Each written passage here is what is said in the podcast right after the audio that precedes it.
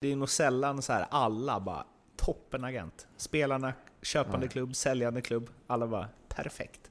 Det är den du hade, det är där du hade kunnat ta, eh, där finns det en lucka Erik. Du kanske ska köpa tillbaks de där 50 procenten i... Ja, bli grisarnas gris i Sverige.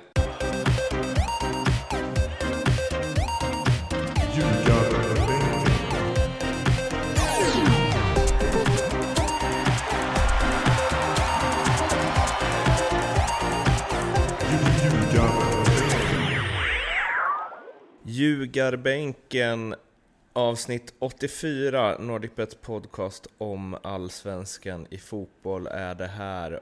Och det är två grejer som, är, som de inte brukar vara i det här avsnittet.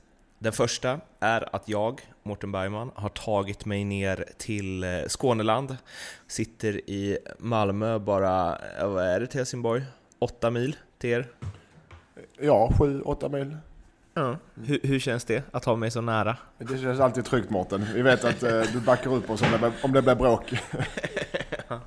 Eh, det, det är jag och din bror som gör det, Ja. har vi hört tidigare. Eh, och den andra grejen som är, ja det är ännu mer uppseendeväckande, jag är ju i Malmö med jämna mellanrum, det är ju att vi för, ja, första gången i historien vet jag inte, men eh, nära inpå har ett körschema där ljugarbänken, eller det ljugarbänken, där tvååker inte står i topp. Eh, det står inte ens med på körschemat. Vad är det som händer? Nej, det, eh, Har du avgått? jag har, det går för dåligt att strunta i det. Jag är, jag är som en liten sköldpadda, jag drar mig in i skalet. Nej, vi kan, ta, vi kan ta det direkt. Vi har en tuff period. Vi förlorade mot Eskilsminne. Eh, vi förlorade mot eh, Torn och vi kryssade mot Kristianstad. Så vi har eh, en poäng på de senaste tre matcherna och det är såklart tufft. Glöm inte Respass i... eh, I cupen åkte vi också. Copa Svedese också. Svenska cupen. Så att eh, vi har spelarna är slitna mentalt, slitna fysiskt, vi har haft mycket matcher. Eh, och eh, det har inte varit så mycket att säga att vi har varit för dåliga de här matcherna.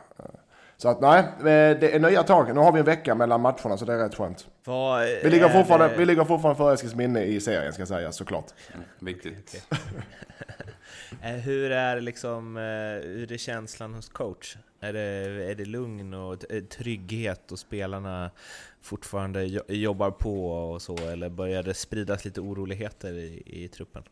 Nej, det tror jag inte. Jag, det, nej, men som tränare så står jag står först i ledet och Eh, jag tror på mina spelare, jag tror på laget såklart fortfarande. Det är inte så att från en vecka så trillar hela det man har byggt upp i ett och ett halvt år. Det, så fungerar det inte. Utan det är lugnt och fint. Nu har vi en vecka, funderar på att lägga in lite fotbollsträning. Så första gången på ett och ett halvt år på träningen för att hitta glädjen. Kanske jag bjuder på en öl efter träningen. Alltså något sånt för att bryta mönstret. Eh, jag tror inte på sådana grejer annars. Men just nu behöver pojkarna lite, lite paus från uh, taktisk träning. Jag har fem missade samtal från Tvååkers ordförande också. Jag vet inte vad det innebär. Ja, och jag har fem från Älvsminne så jag vet inte det. Nej, sex bara på det. Eh, Men eh, det, det där du säger att eh, det inte rasar samman bara på en dålig vecka och så. Nej, absolut. Det är ju det är lite så, lite den feelingen man ändå har i vissa klubbar ju. Eh, Magnus Persson. Ja, men i klubbar där det är målsättning. Vår målsättning och Tvååkers målsättning som klubb. Är det att hänga kvar? Det är att hänga kvar. Inget, alltså, med vår bud, bud. Om, och nu ska jag vara helt ärlig. Vi har nästan lägst budget i serien. Alltså, och om vi jämför, nu när Erik är så jävla aggressiv. Om vi jämför med Eskilsminne så är det som två olika världar. Eskilsminne har helt andra löner, helt annan budget, helt annan förutsättningar än Tvååker.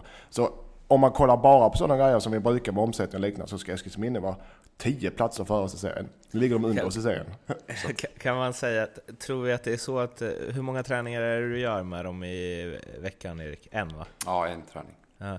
Tror du, Lindström, tror du på den nivån att Erik tjänar mer än vad du gör? Ja, absolut. Alltså, det där surret om pengar är ju så otroligt tröttsamt. Jag... Så säger bara de som har pengar Mårten. Så men- säger bara de som har pengar. Nej, jag vill men- inte diskutera pengar. Nej, men alltså...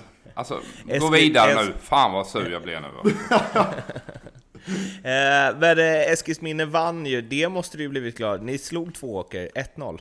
Ja, det var en jämn historia och vi har fått med oss lite resultat här nu. Tre segrar inför matchen igår mot Lunds BK där vi tyvärr torskade med 3-2. Då. Så vi har haft en bra period. eh, eh, Och är med också. Vi är väl också som Mattias är inne på, nykomlingar och då gäller det att liksom rädda skinnet eh, och stanna kvar och bygga, bygga vidare på det.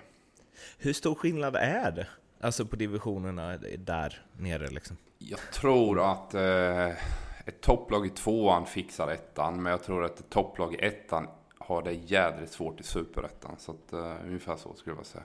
Men för division 1 beskrivs ju ofta som den, den värsta av serier. Ja, med tanke på att det finns inget, uh, inga tv-pengar som trillar in, men det är ändå relativt långa resor. Framförallt då i norrettan är det ju otroligt tufft för de gängen där uppe. Jag vet inte om Luleå och Umeå är, är väl med i ettan kanske var det. Uh, ja, lägga, lägga en hel helg på att sitta på bänken i Umeå kanske inte är det man eh, ja, drömde om som fotbollsspelare när man var liten. Snittlönen i eh, division 1 ligger på runt 5000. Och division 1 södra, division 1 norra. Så... Och då, då tränar de lika mycket som superettan-lag? Exakt. Oh. Ja. Men hur många, alltså du brukar ju säga det att alla dina spelare är av allsvensk kvalitet Lindström. Men hur många i division 1 hade så här på, på rak arm man bara kunnat för det är ju lite intressant, det har ju funnits några sådana, liksom, så här Oremo och sånt, som bara kommit från trean rakt in i allsvenskan. Liksom. Hur många, eh, hur många från Tvååker hade, och Eskilsminne tillsammans hade de facto liksom tagit en plats i en allsvensk trupp idag? Det är ju så klubbarna eh, kollar, det har vi varit inne på många gånger, men de klubb, kollar ju på division 1 istället för att röra sig i Brasilien och Afrika. För att I division 1 så hittar du bra spelare, framförallt hittar du unga spelare som vill något och kan utvecklas. Så du hittar säkert inte många spelare just nu eh, som är färdiga att gå rakt in i allsvensk trupp. Men du hittar de som kan göra det på sikt, utan tvekan. Där, kan du, där finns flera i Eskilsminne och flera i Tvååker som skulle kunna klara av det. Innan vi går vidare till eh, det allsvenska silly som vi kommer ägna de stora de största delarna av det här programmet åt så måste vi ju faktiskt ta tillfället i akt att prata lite om, eh, det kommer bli ytterst lite för det finns inte så jävla mycket att säga, men Micke Dahlberg, vilket mål! Herregud, har ni sett det? Nej, det har ni inte. Har ingen av er sett det? Ja, jag har missat det också. Jag satt och kollade första halvlek och sen så stängde jag av när HIF ledde med 1-0. Så att, eh, eller stängde då... av, jag hade annat att göra. Då är det så här, efter den här inspelningen så går ni in på uh, Fotbollskanalen och vevar det målet alltså. Ja men det, det, det, är ju, är det någon spelare man i hela fotbollsvärlden önskar ett vackert mål så är det ju Micke Dahlberg. För det är en underbar människa, det har ju ni varit inne på åtskilliga gånger i det här programmet innan. Här. Mm. Apropå underbara människor, eller någon man inte unnar att göra sådana här mål, så såg jag på sociala medier att du träffar Risen på Malta. Det är människor man inte unnar att göra snygga mål i varje fall. ja. ja, just det, det gjorde jag. Men det ja, just det, du kommer inte ihåg det. Eh, han kom fram och hälsade. Nej, det gjorde han inte. Men, eh, men eh, det, Fotbollskanalen beskrev det som att Micke Dahlberg vräkte in den i krysset. det var exakt, han, han sköt inte, han vräkte in den. Och sen så firade han som om han vore typ Paul Pogba. Det var, liksom, det var många dimensioner i den sekvensen som var var värda att eh, se. Så ni två och alla ni som lyssnar på det här och inte sett målet, in och eh, kika. Det innebar ju också att eh, Helsingborg eh, gick upp på tredje plats eh, i Superettan. Jag har sett, jag har hållit mig undan, men jag har sett i vår inkorg på Facebook Ljugarbänkens Facebook-sida att eh, det ramlat in eh, lite röster som vill eh, höra vad, vad ni två tror om eh, HF och så. Eh, jag, jag har som sagt liksom eh, zonat ut där. Men eh, hur har det sett ut hittills? Och, ja, vi har ju snackat om det förut, det är bara allsvenskan som gäller och snart kommer granen och sådär. Men en, en tredje plats det är ju fortfarande en missräkning, eller?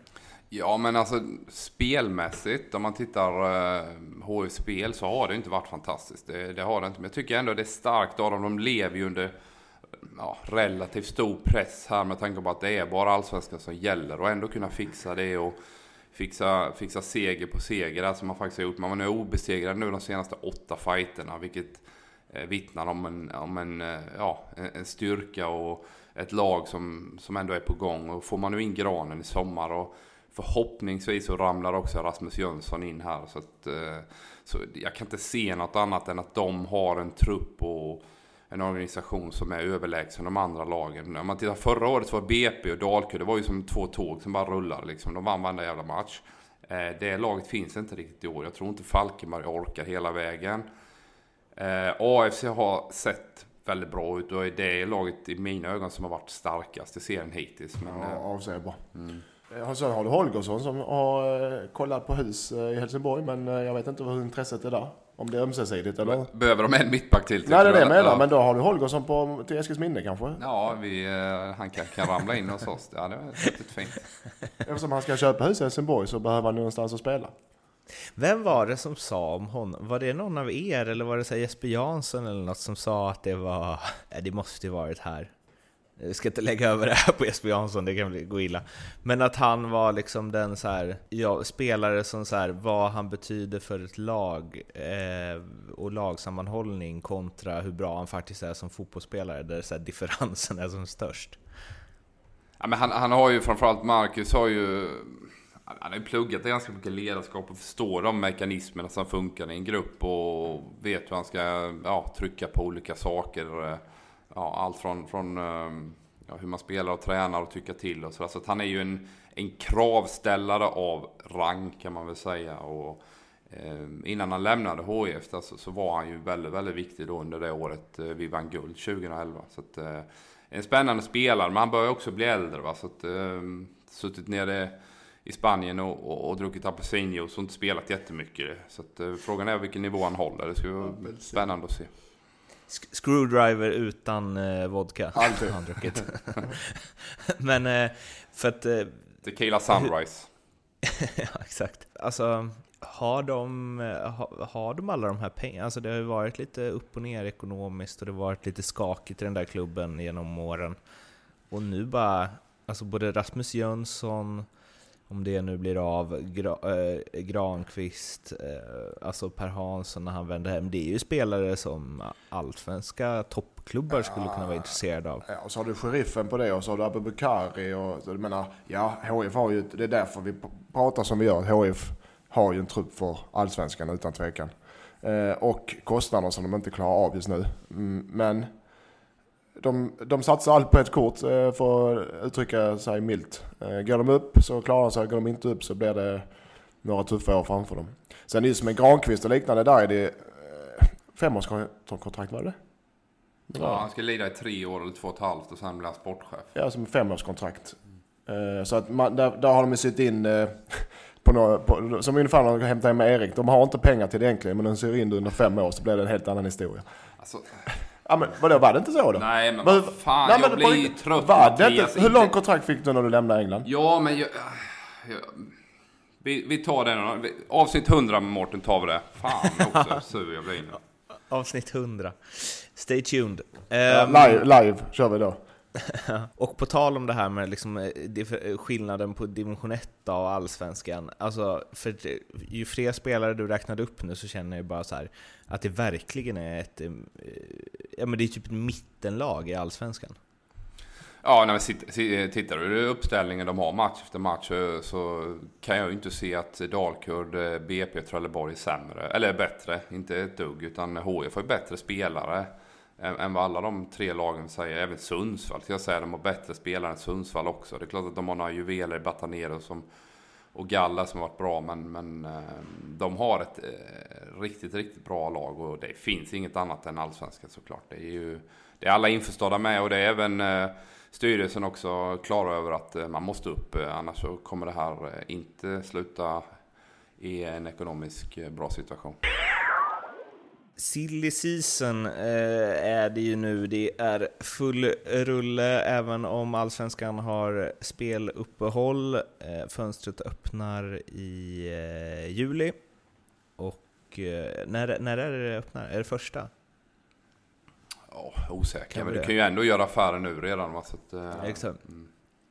Eh, och det händer ju allt eh, möjligt, i mycket ryktesvägen förstås, men vi tänkte att vi skulle beta av lite. Dels sånt som är 100% klart, sånt som är 99% klart och ja, allt därunder. Eh, men om vi börjar med eh, Östersund och Graham Potter som kommer att träna Swansea. Eh, som vi ju var inne på redan i förra, eller om det till och med var förrförra avsnittet. Och där eh, är det ju, eh, är det fallet för Östersund och så vidare, diskuteras det nu och vem ska in istället och så.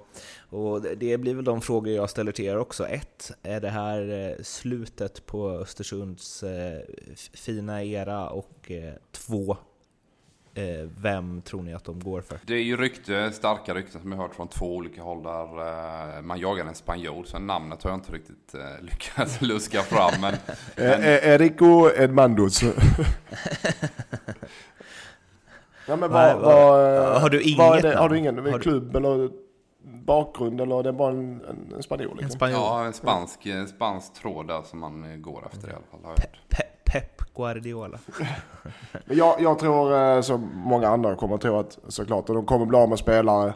Eh, Potter och Kindberg med sin situation. De två som har drivit det här skeppet eh, har det tufft. Eller Potter lämnar ju med hela sin stab har jag förstått också. Så det är inte bara att han lämnar själv utan han lämnar ju, de måste in och söka helt nytt folk. Och det är inte det lättaste att få, eh, få in det på så många platser, positioner. Och sen så att jag tror att, jag ska inte säga att det börjar dala direkt, de kan säkert klara hösten hyfsat, men till nästa år, då kan det bli tufft. Alltså vadå, hur mycket kan bero på tränaren?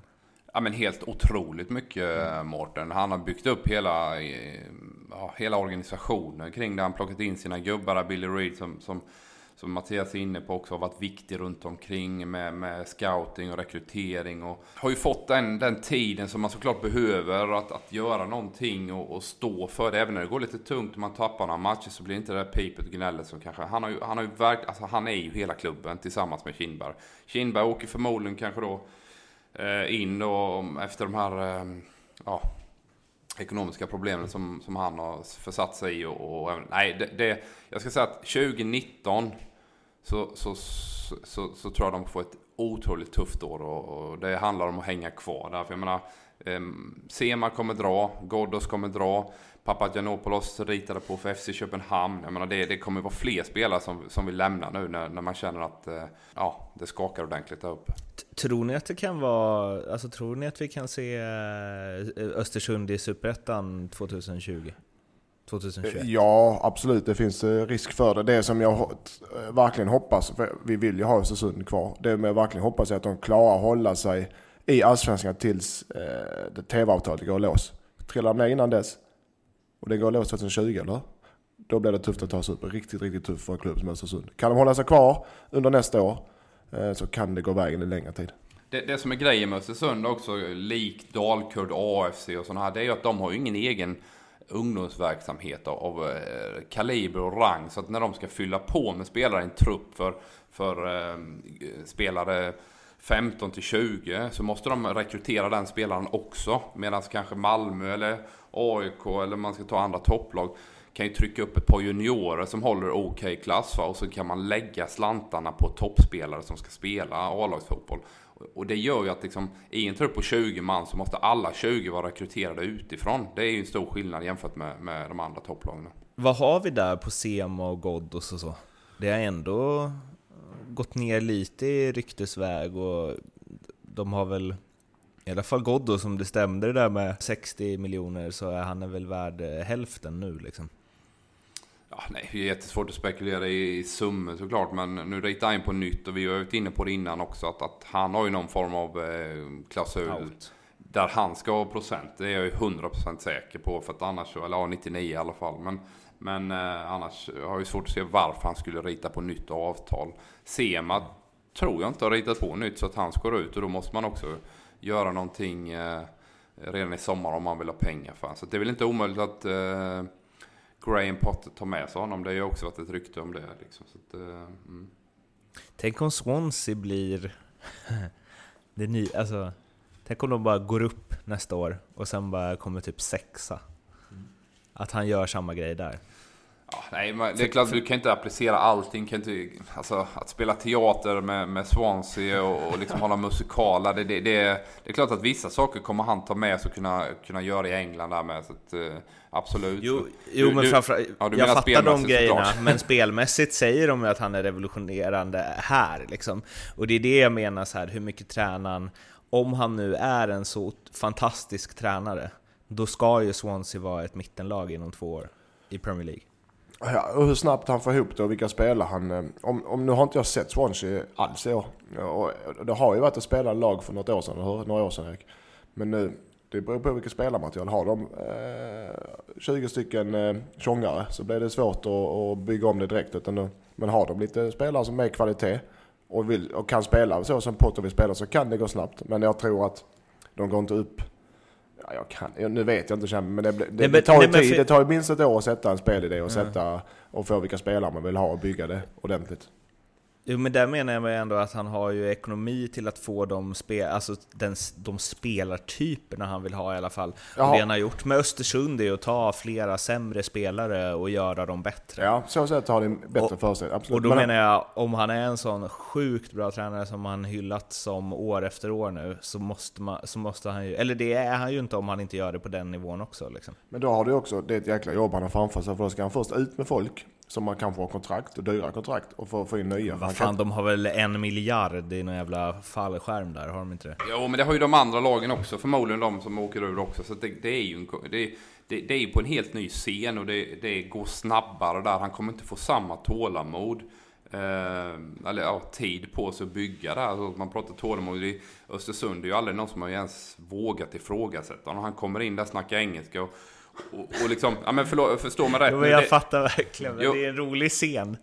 jo, men det tycker alla liksom spännande, kul i början. Sen måste han leverera med sin kompetens och det har han också gjort. Då har han ju verkligen fått det här eh, förtroendet och, och man ser att han vill någonting annorlunda. Men han har ju inte blivit ifrågasatt en enda jädra gång. Det kommer han ju bli i Swansea. För det är, det är en helt annan nivå, det är en helt annan värld där ute i, i, ja, i England och, och så vidare. Så att, han kommer få bekänna färg, men jag tror ändå att det är en fantastiskt duktig fotbollstränare som, som förstår alla bitar. Han är inte bara duktig på det spelmässiga, han är ju liksom kompetent eh, på ledarskap också och förstår de mekanismer som funkar. Så det kommer bli jävligt bra, men han behöver också ha eh, tid på sig att bygga upp någonting. Djurgården händer det grejer eh, i. Eh, och även om Özcan Melke Mitchell sitter lika säkert som Olof Lund på Fotbollskanalen så eh, är det ju framförallt Felix Beijmo och Kerim Rapti som det snackats om, eh, där man väl får säga att Beijmo har kört ifrån Kerim rätt mycket i senaste tiden vad gäller rykten. Werder Bremen ska det vara ytterst nära med för Felix Beijmo och eh, när jag läste första gången att Djurgården ville ha 30 miljoner för honom så tänkte jag Lille Bosse, vad yrar de? Eh, men nu verkar det ju som att de får det. Vilket ju, alltså jag måste bara, jag tycker att Felix Beijmo, framförallt som han var förra året och året innan också i, i BP, grymt intressant spelare med den fysiken och liksom den powern och väldigt, man kan se honom ute i större klubbar. Men 30 miljoner? Ja, men 30 Var... miljoner med den utvecklingspotentialen som Werder Bremen ser i honom så, så kan jag tycka att det är, ja, är berättigat faktiskt. I förhållande till vad, alltså om du ställer det mot 800 miljoner för van Dijk så är det ju definitivt det. Men om man ser till så alla spelare som gått från allsvenskan, är Felix Beijmo en 30 miljoner spelare då? För då är det, nu vet inte jag långt, det är väl det som är problemet med Kerim, va? att hans kontrakt inte är så långt. Men om han hade ett långt kontrakt, då är ju han en... Vad är han då?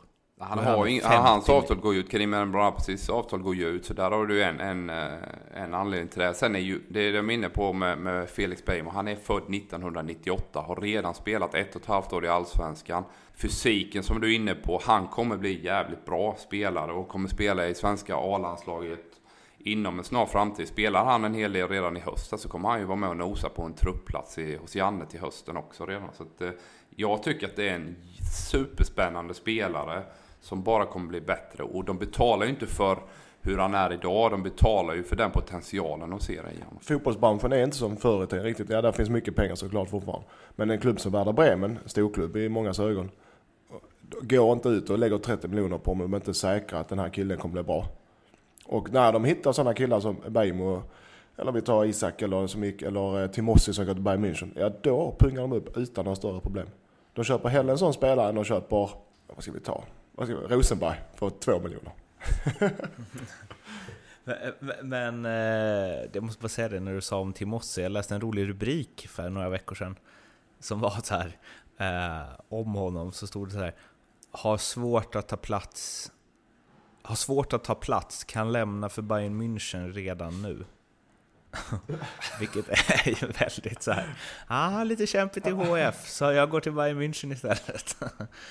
eh, förstås några ungdomslag eller så, men eh, han har haft, han, hur mycket har han lirat? Ja, han spelade, han spelade, startade igår, gjorde det bra tycker jag. Eh, sen har han ju ett, det här andra året som man ofta snackar om, eh, som är tufft. Han hade ju en makalös resa utvecklingsmässigt från eh, P15 i HIF mm. rätt upp till P17 och sen eh, gjorde han tre mål varje match där också. Sen U19 och sen var han med och tränade A-laget. Eh, jag tror redan då på Henkes tid, något pass på hösten där när de åkte ur.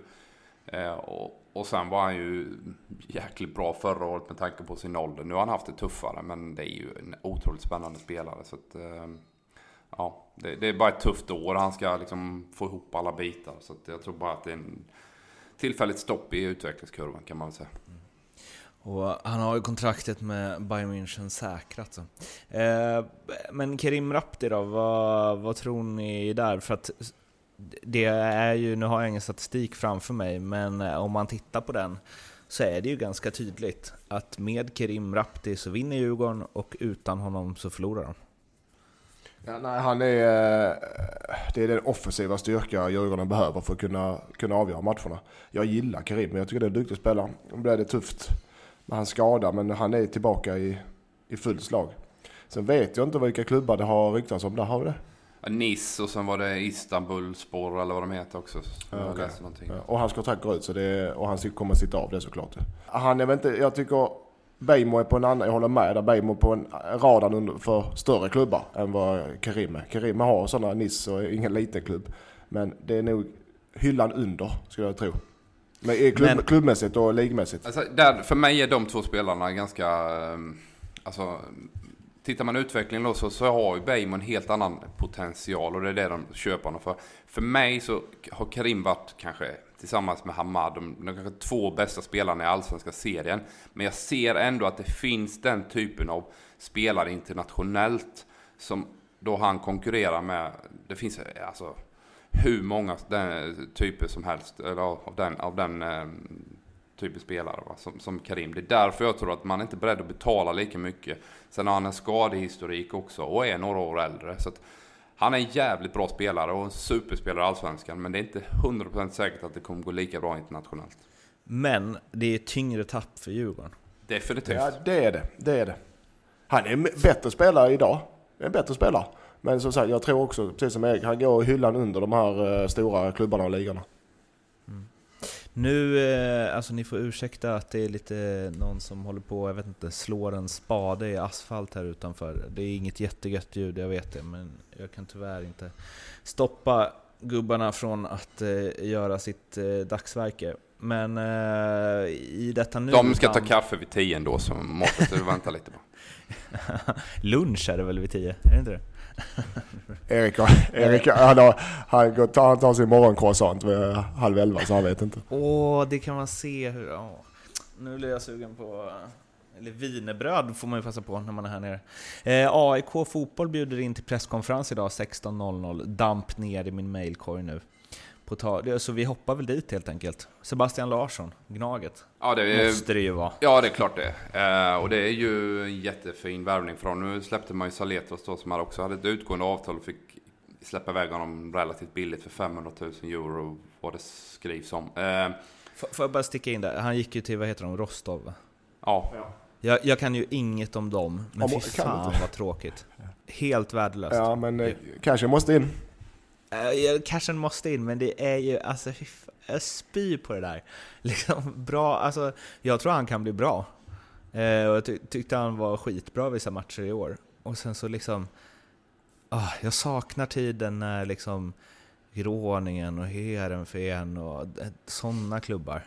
Mm, det landskapet eh, har förändrats eh, hyfsat som man säger. Nu är det Ryssland eh, som är på frammarsch. Även de mindre klubbarna där och Rostov och så vidare kan eh, ha ekonomiska muskler som ja, Groningen och Heerenveen och Utrecht och de här gängen som för tio år sedan var på banan. Det är som allsvenska klubbar. Ja, nej, men, då, ja, men de, seriöst, jag snackade med en kille i Heerenveen om det där kring, kring lönenivån i Heerenveen till exempel då, som är ändå subtopp eller vad ska man säga 5 till 10 varje år i den serien. De, har, de, de är inte på, på högre nivå än Hammarby är idag liksom. Så att eh, de har det tufft.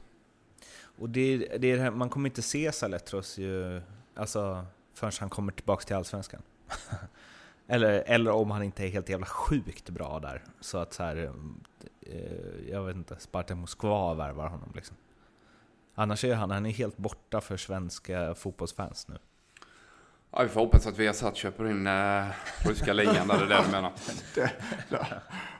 Eh, ja, men Seb, Larsson i alla fall eh, ska ju eh, kritat på två och ett halvt år med AIK, har fått eh, något som i vissa kretsar beskrivs som Allsvenskans högsta lön. Eh, det är väl en... Eh, ja, hur man än vänder och vrider och att han kostar och så, så är det ju en jävla pangvärvning väl. Ja, ja. Han, eh, med den kroppen han har och, det, och den tidpunkten är i sin karriär så han, han håller i två och ett halvt år till på allsvensk toppnivå. Så att eh, längden på kontraktet är helt okej. Eh, Seb är klasspelare och AIK varvar ju för SM-guld. Det är solklart. Du varvar ingen talang, du varvar inte någon som är, ja, han ska utvecklas här, utan du varvar en spelare som ska rakt in och höja dem till SM-guld och Europaspel. Och, eh, så det, det är en väldigt tydlig signal till de andra klubbarna. Och att han kan spela överallt i princip. Ja, på mittfältet och ytterback och alltså... Och de Det är vet ju- vad de vet. Det är inte så att de köper grisen i säcken. De vet. Seb Larsson. Är det någon spelare i Sverige man vet man får så är det Seb Larsson. Ja men det är det. Och det är ofta Ja. en positiv bemärkelse menar jag. Så. Ja, ja. ja eller så, här. det var någon som sa om, eh, och nu kommer jag inte ihåg vem det var, men det var en kompis med Djurgårdare som pratade om, eh, jag tror det var Petter Gustafsson hette han va, som spelade i Djurgården, som kom från typ Skellefteå eller något sånt. Eh, för då frågade jag vad han tyckte om honom, då sa han, han är en spelare där man vet, vad man, man vet precis vad man får, men man vet också precis vad man inte får. det skulle jag säga att Sebbe är också. Jo men det, då, har du, då tar du... Man får, nu- då man får du- inga Rabona-inlägg eller dribblingar Nej, på... men eller- Seb är en tvåbacksspelare. Men då tar du... eh, Så han, men ta Granqvist i HIF då. Det är samma. Han är mittback. Han kommer inte göra 20 mål. Men du har också spelare runt om honom som kommer höja sig. Och konkurrensen blir hårdare på alla sätt och vis. Samma i AIK med Seb. Det, det kommer inte är- göra 10 mål. Det säger vem som helst. Det har han aldrig gjort någonsin i sin karriär. Men han kommer ju vara så viktig både för laget, konkurrensen och motståndaren. Så det, får också, det blir en helt annan respekt gentemot motståndarna. Man får inte glömma alla de här as- aspekterna vid sidan om också. Just, man kan Sätt- inte bara räkna mål och assist från mittfältare. Sä- Sättet han höjer laget på tror jag kommer vara den st- stora, stora faktorn alltså. Ja, men För att han- ja, jag jag liksom tror det är kravställning supervärvning. Sen är det en signal att skicka till de andra spelarna som, som eh, vars situationer du behöver lösa med. Du har ju Nabil Bahoui som, som eh, ägs av Grasshoppers. Du har Milosevic också som skrev ett kortare avtal om inte jag är helt snett på det. Mm. De kanske blir, blir mer sugna och benägna att eh, rita på i alla fall hösten ut här för att vara med på den här resan och hämta den här bucklan. Liksom. MFF, Anders Christiansen, Guess Who's Back, som han twittrade. Han skrev på ett fyraårskontrakt. Fyra och ett halvt års kontrakt. Eh, och eh, kammade in sin tredje sign-on-bonus på nio månader var det någon som... Det är, bara, det är bra, är det inte Erik? Kan man inte göra så? Nej, det är bra jobbat. Han ruttnade väl där i, i eh, Gent ganska snabbt. Eh, Han var väldigt sugen på att dra dit, men sen när han väl kom dit så, så kände han, nej för fan, här ska nu- jag inte vara länge. Nu ser jag att han är ute och kastar skit på dem också i klubben då. Okej. Men, ja. alltså, får man, jag måste säga en grej om det där. Och det, vi har ju liksom snackat lite om det förut, att så här, allsvenska spelare inte platsar i Belgien. Och jag fattar eh, att man måste ha tränaren på sin sida och hej och hå. Men det är ju, det är ju helt sjuk eh, liksom, eh, statistik på det. Vi, allsvenskan släpper sin bästa spelare varje år till Belgien och det går, det går aldrig. I, Och, i, och, och det här fallet, liksom, jag kunde inte, hur skulle Anders Christiansen inte kunna vara en jävla klippa även i belgiska ligan? Helt o... Alltså jag kunde inte se det. Men, han hamnade liksom på läktaren direkt. Bara tjoff. Ja, det är bara tillfällighet och otur såklart. Det är Anderlecht och Genk och Stana Liège och de här och Astrid och och misslyckats. Och, Men så har du Chippen som var kung i Anderlecht och du har, eh, du har ju Skulason som var i, var han var någonstans? Det var ju ett skitlag. Ja men det, det är Sulteberg, topplagen. ja. Men ja, det är tillfälligheter och de här topplagen, jag har själv mött många av dem, det, det är bra lag och bättre, alltså topp, topp, topp i allsvenskan. Men det är inga superlag så det är tillfälligheter antagligen. Skulle jag tro. Att det är Belgien och, och just Belgien. Ja, det, det är ju påfallande stor statistik på allsvenska spelare som floppar där. Det är ju helt otroligt. Du har ju visserligen eh, han eh, Djurgården där, Colli, han har väl gjort det bra och även mittbacken som, som var i Hammarby har väl också spelat en hel del. Och Jari Orunen spelar också i Genk. Ehm, Så det är några som ändå har lyckats, men det är ju väldigt många som har haft det tufft. Men i eh, Anders Christiansen så får ju... Alltså Malmöfansen är ju glada, men jag, jag tror kanske inte att så här, eh, konkurrerande lags fans riktigt förstår vilken jävla... Alltså, nu är det ju långt upp till guldet. Men var det en värvning MFF behövde så var det ju den här. Ja, med tanke på Alltså- hans... eh, Ja, men han har ju en förmåga att, att med sin kreativitet lösa upp knutar och... och ehm, alltså, det, det som man ser, det, spelarna ofta idag är skickligare på att ta sig ur press. Han är ju makalöst duktig på att flytta boll på första touch och, och liksom kunna spela framåt och hota både med korta passningar och längre bollar på cross och så vidare. Så att, eh, det, det han levererade i Malmö är ju på en makalöst hög nivå. Så kan han komma någorlunda nära det så, så har de gjort ett superförvärv. Men det har ju kostat. Eh, Det ska man ju ha klart för sig. Eh, och nu kan, man ju, eh, nu kan man ju prata om det här, så nu eh, gör jag det. Men Daniel Andersson har ju fått mycket kritik under tiden det gått tungt för Malmö FF. Det har varit mycket att så man, man ersatte inte Anders Christiansen, det saknas en viss spelartyp och så vidare. och så vidare. Men det som liksom inte skrivits eftersom Eh, ja, många har valt att inte publicera namn. Eh, nu är Kingsley Sarfo dömd till eh, två år och åtta månader tror jag i fängelse.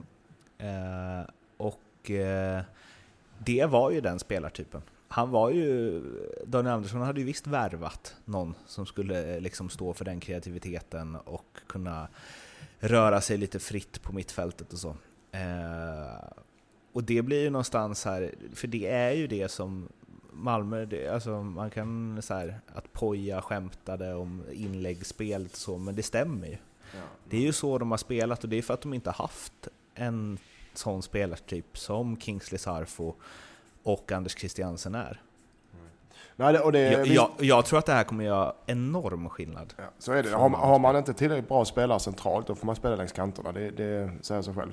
Eh, men, Och där blir det ju så här, det är lätt att säga så här, Daniel Andersson värvar inte, eller Malmö värvar inte, nu låter som jag försöker försvara Danne här, men det är ju faktiskt så, men de la ju för fan 15 miljoner på en sån spelare, är- som var kanske allsvenskans bästa förra våren. Och Sen då- att han begår kriminella handlingar, det är ju inte Daniel Anderssons fel. nej, det är det inte. liksom. Men sen Alltså- undrar man rent praktiskt hur, hur det fungerar nu med det ekonomiska. Och det är klart att hans kontrakt måste brytas. För någon klubb tillbaka pengar. Eller jag läste någonting att Sirius skulle få, bli, få, pengar till... eh, Eller skulle...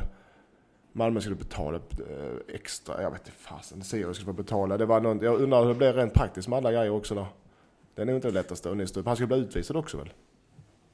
Eh, absolut. Ja. Så det är ju eh, by far den sämsta allsvenska värvningen någonsin. Eh, Ja men, det, sen är, får ja, ja. men hur mycket de har betalat ut in, i klumpsumma eller om det är avbetalning om de får behålla det. Vi vet ju inte detaljerna. Det kan vara så att det, det kanske inte blir så jäkla, kanske inte blir 50 miljoner på brädet utan det var någon sorts avbetalningsplan på kontraktslängden. Det vet man ju inte heller. Nej. Och jag tror ju att det sista ordet där är inte sagt om eh, vilka som kommer att ha de ekonomiska skyldigheterna. Eh, känns det som. Eh, men i alla fall, med eh, Anders Christiansen tillbaka så skulle jag i alla fall... Ja, det här båda ju inte gott för MFF eftersom jag sa att Östersund skulle gå rent under våren. Eh, men eh, jag tror ju att alltså...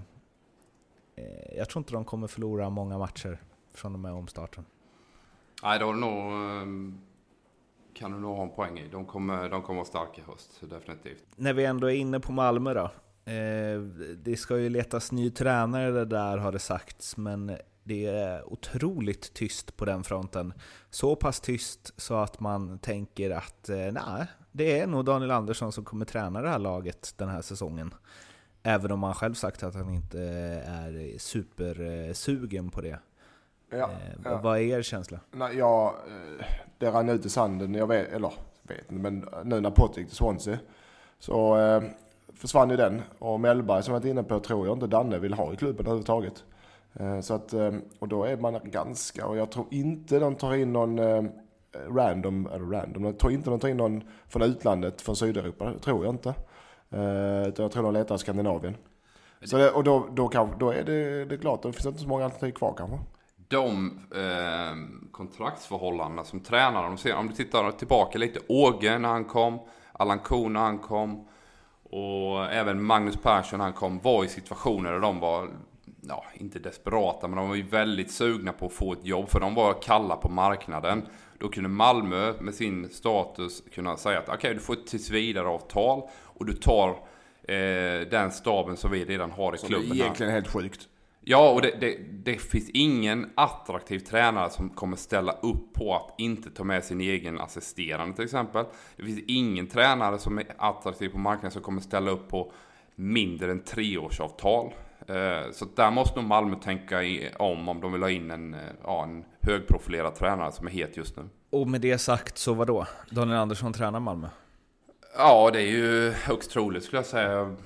Man hör ju att de har haft intervjuer med olika. Det har varit Ole Gunnar Solskjaer till exempel. Jag tror inte på den riktigt. Eh, Det snackas ju om att han tjänar 8 miljoner i Molde där. Så att det, de pengarna är ju inte i Malmö. Men däremot är Malmö en, mer attraktiv klubb över tid än vad Molde är. Så att eh, det är om man ser den sportsliga utmaningen att komma till Sverige. Men han definitivt kommer ju ta med sig folk från eh, från Norge och kommer inte acceptera något tillsvidareavtal liksom.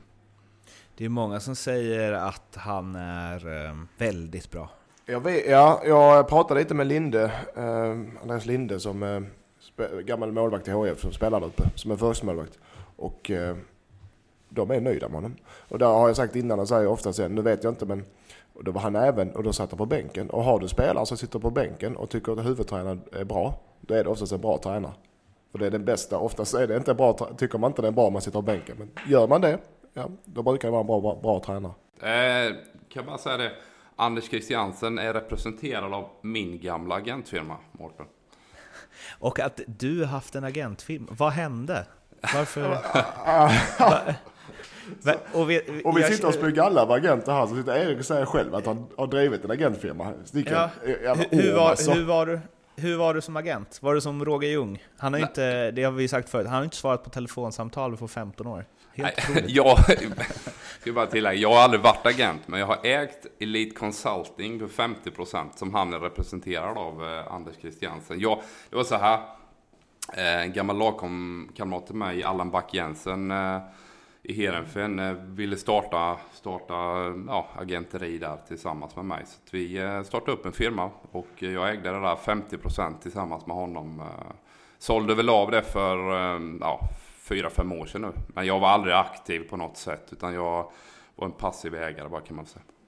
Va, det, varför, så här, vad var det som lockade och samtidigt inte lockade uppenbarligen eftersom du sket i det? Nej, det var så, så tanken i början var ju att jag skulle kanske bidra med lite kontakter och, och så vidare. Men han hade ju slutat spela fotboll och ja, gjorde grovjobbet så att säga i vardagen. Eh, Sen efter ett tag så plockade vi in en, en tredje delägare också. Och sen efter ett tag så kände de väl att fan, Edman han gör ju inte ett jävla skit så vi, vi skickar ut honom. Nej, tanken var ju från början att vi skulle ha han skulle jobba i Danmark och jag i Sverige då när jag hade slutat spela. Sen så känner jag väl att det är så jävla mycket smuts i den där branschen. eh, Så att jag orkar inte Vi- beblanda mig. Vilka spelare hade Men- ni i stall? Eller har, finns det? Är det fortfarande aktiv? Nej, jag, den är Nej, aktiv. nej, Firman är aktiv. ja, De är relativt stora i Danmark och gör ett jättefint jobb. Liksom. Men eh, det är främst danska spelare. Men på den korta tiden, eh, hur mycket hann du känna av av den smutsiga branschen? Alltså det måste man, ni ju gjort som spelare också, men jag menar, alltså från mitt perspektiv och allt jag har hört som liksom journalist genom åren, är ju, alltså, det är ju så att man, eh, ja, jag vet inte vad, ibland. Ja, men, För att så här. Och vissa agenter säger det till och med själva när man snackar med dem och bara Ja, jag är inte Guds bästa barn jag heller. Och sen så snackar de skit om någon annan agent. Jo, Det är men, den klassiska. Men Mårten, det man ska komma ihåg när det gäller affärerna, det är att sportchefer och andra agenter då, alltså för att det ska bli en affär så måste man spela spelet. Eh, och, och, och med det sagt, eh, så, så att liksom, det är inte alltid man kanske känner att det är rent mjöl, men för att affären ska bli av, och, och svenska klubbar framförallt är ju otroligt beroende av att sälja spelare. Och då måste du åka med i den snurren med eh, ja, konsultarvoden till folk som inte ska ha det och så vidare för att det överhuvudtaget ska bli en affär. Det är därför man eh, som köpande klubb, ibland så blir man helt förundrad. Hur, hur kan de betala den summan för den spelaren? Han är inte värd det. Men det är ju så här att då sätter man ett överpris för en spelare som man har kommit överens om ett, ett, eh, ett pris och då ska ju ja, 15, 20, 30, 40 procent av den transfersumman ska gå till konsultarvode som ofta den då säljande klubben får betala vidare så att säga. Va?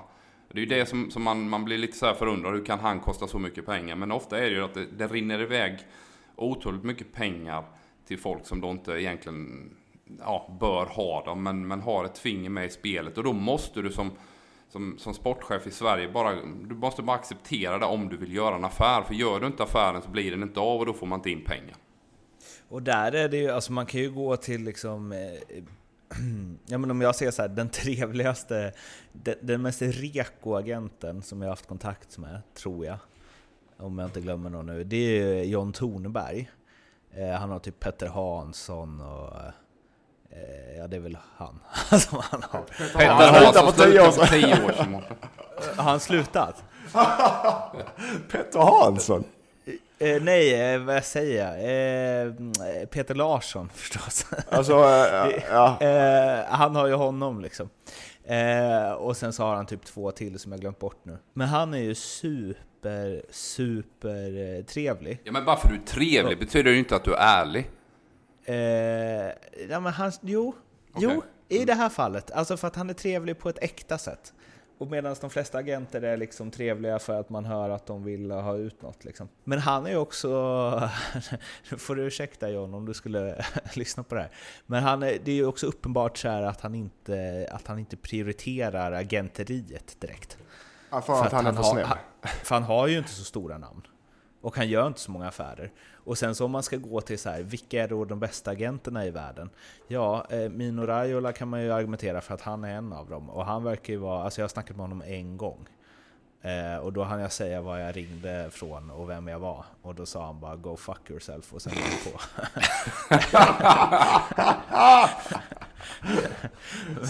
Du sa inte att det var på Ljungabänken istället? Då? Må- Mårten, läste du Erik Nivas eh, PR-artikel men alltså, för två år För sedan? Hassan Settinkaya är ju en eh, Raiola i, eh, i liksom, lä, en lägre nivå. Mårten, nu har du, nu har du, nu kan vi ta det här direkt. Vad avsnittet ska heta. Det här 84 ska heta Go fuck Go fuck Ska heta. ja, jo det gjorde jag och det, har ju, det där har ju debatterats eh, flitigt vad det var. Alltså Niva är ju briljant, men det där var ju hans kanske enda bottennapp. Ja, jag tänkte också sådär, shit alltså en, en journalist av den digniteten, av den statusen i Sverige skriver en reklamartikel på fem sidor i, i Sportbladet om en person som, jag har inget ont att, säga om Hassan Settinkaya, men det finns ju en hel del andra som inte är lika nöjda med, med hans metod. Han kom inte in på Olympia. Han var portad från Olympia i flera år. Sug på den. Han fick inte komma in där. Och då hade han spelare i laget. Ja, och det är ju så här någonstans, eh, men han har ju sagt själv att det, han gör vad som krävs för att ta sina spelare till och det, jag har ju pratat med liksom flera sp- spel, kompisar till spelare som har honom, så jag tänkte så här, hur kan den där snälla killen ha Hassan liksom? Det är kanske det är bara- precis han behöver. Om man är för snäll så Ja. behöver man Hassan som har hårda nypor. Exakt. Jag tror han, Hassan, det ska sägas, jag tror han är en bra agent för spelarna. Absolut. Ja, för spelarna tror För jag spelarna, ja för spelarna, ja. Men han är nog ingen... det är Men det, det, kanske, det är nog sällan så här alla bara toppenagent. Spelarna, köpande klubb, säljande klubb, alla bara perfekt. Det är den du hade, det är där du hade kunnat ta, eh, där finns det en lucka Erik. Du kanske ska köpa tillbaks de där 50 procenten i... Ja, blir grisarnas gris i Sverige. Eh, Men du, eh, du har väl bra kontakt med vad heter han? Allan Bak Jensen, heter han så? Nej, vi har faktiskt inte snackat sen jag sålde min deal där.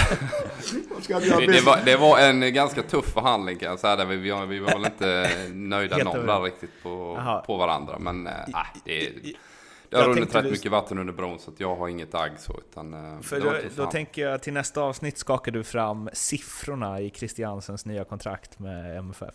Ja, vi lägger det på. Twitter, Instagram och Facebook. ja, det låter bra.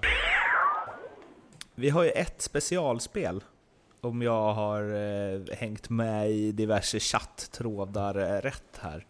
Eh, och det var ni som ville ha på Norrköping, att, de, att fler än två och en halv spelare, det vill säga tre minst, lämnar Norrköping under det här transferfönstret som kommer nu. Det här, är, det här är Eriks eh, spel och om, om när Erik kommer med sådana här spel som man egentligen är alldeles för dum för att klä ut själv så är det någon, någon sorts inside här skulle jag tippa.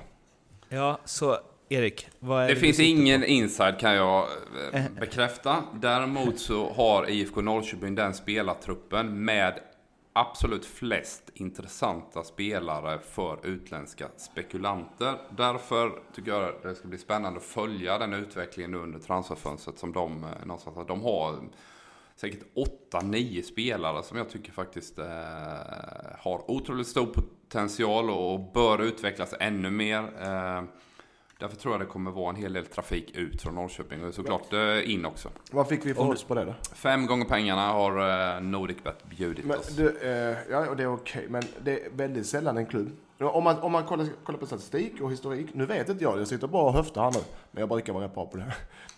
Är det, det kan inte vara många klubbar i Sverige som släpper tre stycken under ett sommarfönster. Nej, och man jagar guld också. Ja, men det är det jag menar, jag, du tror inte på ditt eget spel, eller gör du det? Ja, men jag tror mycket väl, alltså får man rätt bud så det blir Tre jättesvårt. stycken? Ja, men det, alltså, det är ju så... Men vet du- och, även om ja. det tar en sån spelare som får lite speltid som vill lämna, den är också okej. Eller? Ja, då, Det då måste också räknas det- in. Ja, Om det ja, är spelare som missnöjda, Ja, absolut, och där finns det också, men... Så om Kalle Karlsson vilka- går till eh, Nyköping i division 2 då Så så, är det en transfer också. Ja, det är klart det. vi- Vilka, vilka... Men lassa in massa pengar och ta tre till två åker då? Ja, men det, det, nu, nu snackar vi svågerpolitik. Ja, men det låter bra. Men... eh, Som finansierar vilka- köpen med spelpengarna. Exakt! Nu är det ute på djupt vatten här i Nordicbet-podden. Briljant! Alltså. Eh, Men eh, Erik, om du får tippa vilka tre då, som gör att det här spelet går hem. Vilka Ja. tre är det då? Uh, Linus Wahlqvist har ett utgående. Han är ung fortfarande men ändå otroligt mycket. Lite granna som, som Beimer där. Det finns en utvecklingspotential där som är spännande. Uh, Fjolsson har också ett avtal som, som uh, rinner ut efter säsongen. Sulte Varachen ville ta honom i vintras. Det blev ingenting. Jens höll igen. Uh, Holmberg, även om inte han varit stekhet, uh, potential transfer. Det Moberg Karlsson. Sen tror jag faktiskt att en sån som Sigurdsson som, som bara gjort 10 matcher eller någonting definitivt är intressant för utländska klubbar och att, att eh, ta in och sen utveckla vidare i en kanske ännu bättre miljö. Så att det finns många spelare. Erik Smith var det snack om nu, Gent nu, nu släppte de AC. Så kanske de är sugna på en, en ny svensk att sätta på bänken. Så att, eh, eh, Erik Smith har varit jävligt bra här under våren också. Han är bra. Sist men eh, absolut inte minst, utan sist men först eh, blir det ju. Bayern eh, leder ju allsvenskan. Erik, du har ju eh, liksom basunerat ut att här ska klippas gräsmatta ifall de eh, håller i det. Men du har också rotat eh, fatt på lite statistik som visar att eh, det är inte alls konstigt att Hammarby leder allsvenskan. Nej, tittar du på eh, det här moderna uttrycket expected goals och förväntade mål som man säger på Simor då. Men, Eh, så är Hammarby bäst i serien. Så det är ju liksom ingen jävla tillfällighet eller tur på något sätt att de eh, leder. Utan de har varit bäst på att skapa målchanser och såklart göra mål också. Eh, så att kan de hänga i där och hålla i det så, kommer de ju vara med länge där uppe. Definitivt. Så att, det är rätt kul när man tittar på statistik och ändå får det bekräftat att när man ser den där eh, ja, olika graferna som vi, som vi kollar på så är det väl i stort sett Sundsvall som ligger för högt. Kalmar ligger eh, kanske för högt också i förhållande Häcken ligger för till... lågt. Häcken ligger för lågt ja. Så att eh, den stämmer ganska bra med, ligger- med, med serien. Hä- Häcken ligger ju markant eh, för lågt. eller så här, Malmö och Häcken kommer ju, alltså för jag antar eh, jag är ute på djupt vatten här känner jag eftersom jag varken har koll på det här eller på eh, hockeyns motsvarighet Corsi. Eh, som det började tjatas om ordentligt för ett par år sedan. Men det är ju så här hur mycket man har, hur mycket man eh, äger puck och hur många skott man skjuter från farliga vinklar och bla bla bla. bla. Eh, och Corsi över tid gör att det alltid är det laget med bäst Corsi som vinner, liksom, om du slår ut det på 5000 matcher. Men, och så är det med expected goals också, antar jag. Att förr eller senare börjar det liksom Ja, men det är klart att över en säsong kan det ju diffa, men... Men, ja, men över, över längre tid. Ska, ska, du tippa en utveckling här nu då sista? Det har ändå det har bara varit 11-12 matcher, 11 omgångar. Så att, mm. Ser man så en utveckling inför hösten Malmö så... lyfta. Ja, definitivt alltså. Det kommer ja, vara en häcken, häcken också. Det är många, många proffsspelare tipp, eh, som bettar som använder sig av det eh, med eh, positiva resultat. Ja, precis. Men, men en grej som är ja, du får hjälpa mig tyda det här Erik, men Hammarby har alltså 0,76 expected goals. Eh, alltså i positiv, om, du räknar posi emot och exakt. med så har de plusstatistik 0,76 eh, förväntade exakt. mål mer än motståndaren i varje match. Och det är alltså 0,25 mer än tvåan, Häcken. Det är den största differensen på all den här statistiken, alltså på alla lag. Liksom. De är helt överlägsna. Det finns liksom inte det hoppet någon annanstans på skalan. Nej, och det, det, det är det som faktiskt talar för att Hammarby kommer kunna hänga i det här. Och man, man ser att man kan ha tur och så vidare. Det är inte tur. Alltså Hammarby har varit jävligt starka. Och, och, och den här statistiken även att man visar att man, man skapar betydligt eh, mer målchanser än man släpper till. Va? Så att, eh, de är där för att stanna. Eh, och är, har ju varit en överraskning hela säsongen med tanke på den försäsongen man hade och kuppspelet. Så är det riktigt imponerande och de här siffrorna bekräftar ju det också. Vi ska ju förstås eh, pusha för... Ehm, eh, det finns ju inget ljugarbänken 1, X 2 nu, tyvärr. Men det drar igång igen under eh, VM, en liten special av det. Men NordicBet har ett eh, VM-spel, VM-miljonen, som eh, enkelt förklarat svarar man, på, svarar man rätt på 15 frågor om Sveriges resultat i VM. Man lägger ett valfritt spel på VM för minst eh, 100 spänn Minsta odds måste vara 1,50 och det ska, vara, eh, det ska läggas innan Sveriges första gruppspelsmatch. Och får man då alla rätt eh, så kan man hem en miljon kronor. Sen finns det lite 14 rätter, 100 000 kronor och 13 rätter, 20 000 kronor och så vidare. Och då är det lite frågor som att får Sverige straff i gruppspelet? Eh, hur många mål gör Sverige i gruppspelet? Blir det något rött kort i någon av Sveriges matcher i gruppspelet? Och så vidare. Så eh, vi, det finns länk i beskrivningen på Acast och iTunes och vi twittrar ut det här också. Så kan ni ju eh, gå in och fylla i de här 15 eh, svaren och försöka kamma hem en mille helt enkelt. Dryga ut semesterkassan som det heter. Um, ska vi avsluta med någon 99% oh. klar eller har vi någon? Har vi någon kioskvältare nu? Kom igen. Säg något ni kommer ångra i efterhand. Nej, nej det, det är... Vad är det hetaste ryktet? Har, har, vi, har vi inget, snackas det inte om något? Har vi ingen inside? Något nytt fräscht som kommer här? Batanero till Häcken? Nej. Det hetaste vi kom dragandes med var liksom Eriks Östersund vill ha en spanjor. Ja, och Hampus Nilsson, Hampus Nilsson till Göteborg är väl ganska het. Eftersom Hampus, Hampus ska vara gäst i podden snart. Hampus Nilsson till IFK Göteborg är väl ganska Jaha. relevant. Han, han ska vi ha som gäst här i podden snart tänkte vi. Ja. Höll ju nollan igår igen här med Gävle och varit fantastiskt bra. Mot Gävle. Mot Gävle, mot Gävle. Mm. Ehm, ja. Falkenbergs målvakt för er som inte vet. Ja, stod i Också en flitig lyssnare av podden. Så Hampus, Tjena! stark, av, stark avslutning. Stark Det går avslutning. vi ut på. Tack för den här veckan. Vi hörs, i, vi hörs igen snart, eh, i alla fall eh, vi tre. Och vill ni, bara, vill ni höra bara mig och Erik och med eh, eventuella gäster så är det VM-podd som drar igång på torsdag när VM eh, drar igång. Då har vi snackat med Anders Andersson och sen så kommer gästerna avlösa varandra. Det blir allt från Per Zetterberg och eh, ja, det räcker så. Det, ni, ni märker helt enkelt. Mattias Concha kommer titta förbi och så vidare. Han ska till Spanien för övrigt. Han kanske eh, scoutar rätt på Östersunds nästa tränare. Va, Ehm. Var ska han eh, flytta till Spanien? Eh, ja, det sägs så. För han sålt sitt hus så, ja, men ska han flytta? Ja, ja. Det, det är ryktesvägen. Kanske är han som är den eh, Östersunds nya tränare. Vi hörs igen om en vecka i alla fall. Tack eh, för idag. Hej då! Hej hej. Hej hej!